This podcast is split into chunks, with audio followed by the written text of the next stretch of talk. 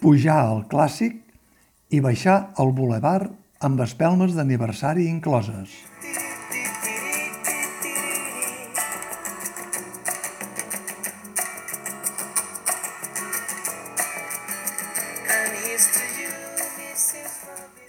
L'interès d'aquesta obra estrenada el 2007 dins d'aquell difunt programa T6 del Teatre Nacional de Catalunya amb un posterior èxit i reposicions, no deixa de créixer a partir d'implicar l'espectador en la constant construcció del que està passant i de les relacions que a poc a poc es descobriran entre una dona madura i una parella de joves que viuen, ell, la mort sobtada dels pares i ella, el trencament de parella.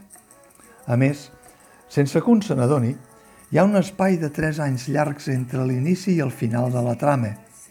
Tres anys que queden subtilment marcats per les corresponents celebracions d'aniversari amb espelma inclosa. El muntatge no és només la dissecció d'una relació o d'unes relacions sentimentals contemporànies, sinó que fa també la trapelleria de transgredir els cànons d'aquestes relacions examant del pare mort, amant del fill orfe, dama de l'alta prostitució a domicili, usuària de prostitució masculina, pas de la timidesa i la xerrameca nerviosa per part del personatge masculí a una fermesa en les decisions, camí iniciàtic de la mà de la dama, descoberta del sexe a discreció, indecisió de la noia, fracàs, ruptura i batalla per aconseguir l'amor perdut, en final obert a tot.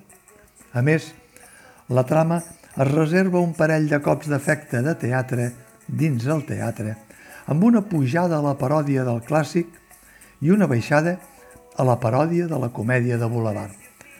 De la perruca de senyora noble avorrida de la vida amb jardiner a la seva disposició, a bomber home objecte per complaure els caprits d'una dama d'avui. L'humor de fons de l'obra es destila lentament, però també amb eficàcia, amb l'avantatge que estem parlant d'un humor que no provoca el ha-ha-ha permanent, sinó el somriure intel·ligent. Per això, el títol no pot ser més encertat.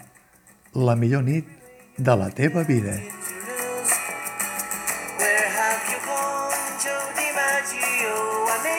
turn its lonely age to you.